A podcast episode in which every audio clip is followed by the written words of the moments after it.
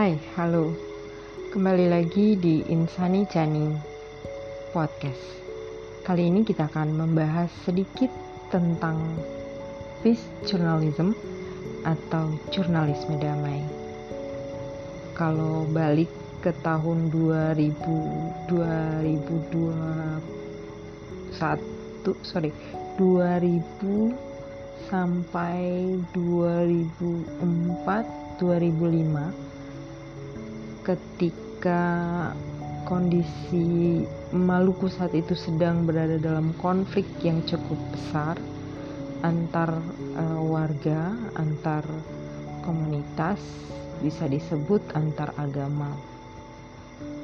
Uh, kondisi media juga terpilah menjadi dua uh, pihak yang berhadapan. Kita tidak benar-benar damai ketika menulis liputan-liputan yang syarat dengan kekerasan.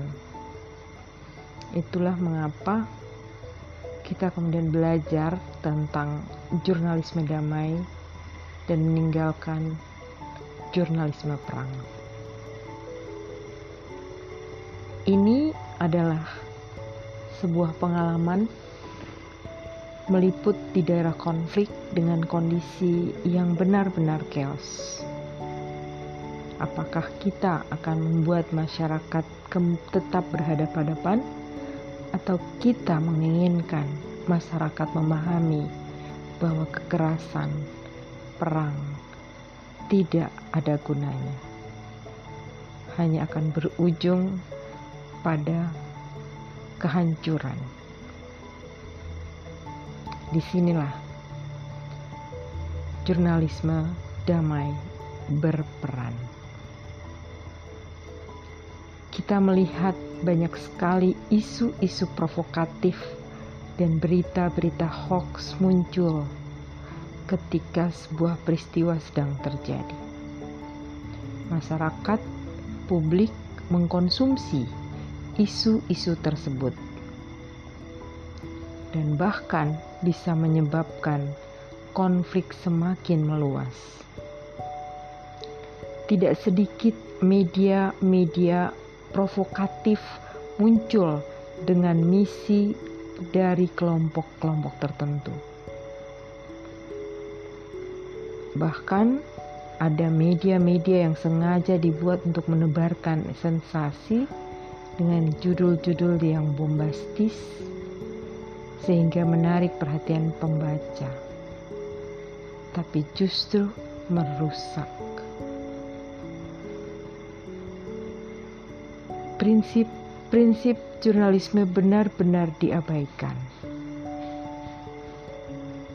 Informasi yang dibuat tidak berimbang, bahkan kerap memprovokasi masyarakat, menghakimi individu, kelompok, atau pihak tertentu.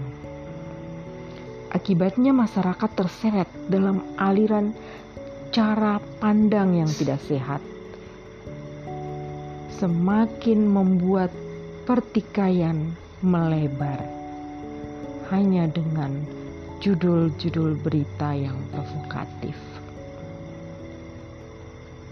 Kekerasan bisa pecah terus-menerus.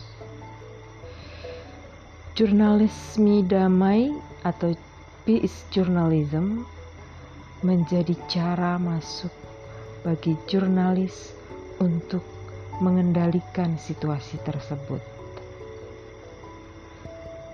Dengan menerapkan peace journalism dalam karya jurnalistiknya, jurnalis bisa membuat masyarakat menyadari pentingnya perdamaian. Karena kita akan memilih mana atau berita apa yang layak untuk dipublikasikan. Mempertimbangkan dan menjaga kemungkinan-kemungkinan dampak yang lebih luas dari sebuah karya jurnalistik. Menjaga agar tidak kembali menjadi menyebabkan terjadinya kekerasan berlanjut. Kita memilih siapa yang layak menjadi narasumber. Jurnalisme damai pada awalnya dirumuskan oleh John Galtung, Rune Ottosen, Wilhelm Kemp, dan Maggie O. Kane. Jurnalisme damai berupaya untuk menghindari atau mencegah terjadinya kekerasan yang semakin meluas. Membingkai laporan suatu kejadian lebih luas, lebih berimbang, dan lebih akurat dengan didasarkan pada informasi tentang konflik dan perubahan yang terjadi dengan mengarahkan penyampaian informasi yang berdampak pada perdamaian. Penerapan jurnalisme damai dalam karya jurnalistik didasari dengan komitmen dan tekad dari wartawan di lapangan sampai redaktur yang ada di ruang redaksi untuk memilih cara-cara atau memilih karya-karya jurnalistik, menciptakan karya jurnalistik yang bisa meredam terjadinya kekerasan. Lebih mengedepankan perdamaian, menghindari kata-kata yang mengandung makna provokasi, memilih kalimat-kalimat yang menyejukkan. Dalam konteks konflik, kekerasan, atau bahkan perang, jurnalisme damai lebih mengedepankan empati pada korban. Sehingga topik-topik yang dipilih sebagai bahan berita tak hanya memaparkan masalah, namun juga menawarkan solusi. Melalui pemberitaan tentang suatu konflik ada dua hal penting yang muncul dari sebuah karya jurnalistik.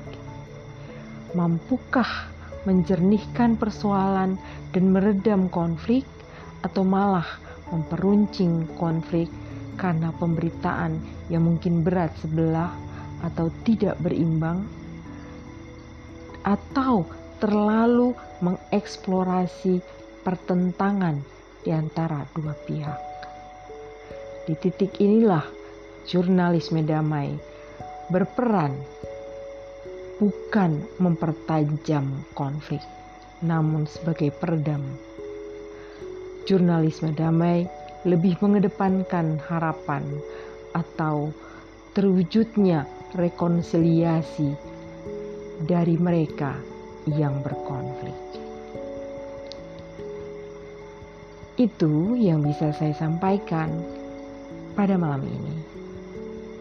Saya masih ingat bagaimana kami berdebat di ruang redaksi hanya karena persoalan kata-kata yang mungkin bisa menyebabkan pertikaian berlanjut. Jika orang bicara tentang begitu banyak cara melakukan rekonsiliasi, namun sebenarnya media yang mengusung jurnalisme damailah yang memberi pencerahan kepada masyarakat untuk mampu berpikir jernih menghadapi pertikaian, kekerasan, dan perang yang ingin mereka lakukan. Jika media mampu mengemas karya jurnalistiknya dengan empati yang tinggi, maka siapa pun yang akan membacanya akan memiliki harapan untuk membuka lembaran baru dan menutup kemungkinan terjadinya kekerasan berlanjut. Maka, peace journalism atau jurnalisme damai salah satu solusi meliput konflik atau perang. Itu saja ingin saya sharing malam ini. Amato.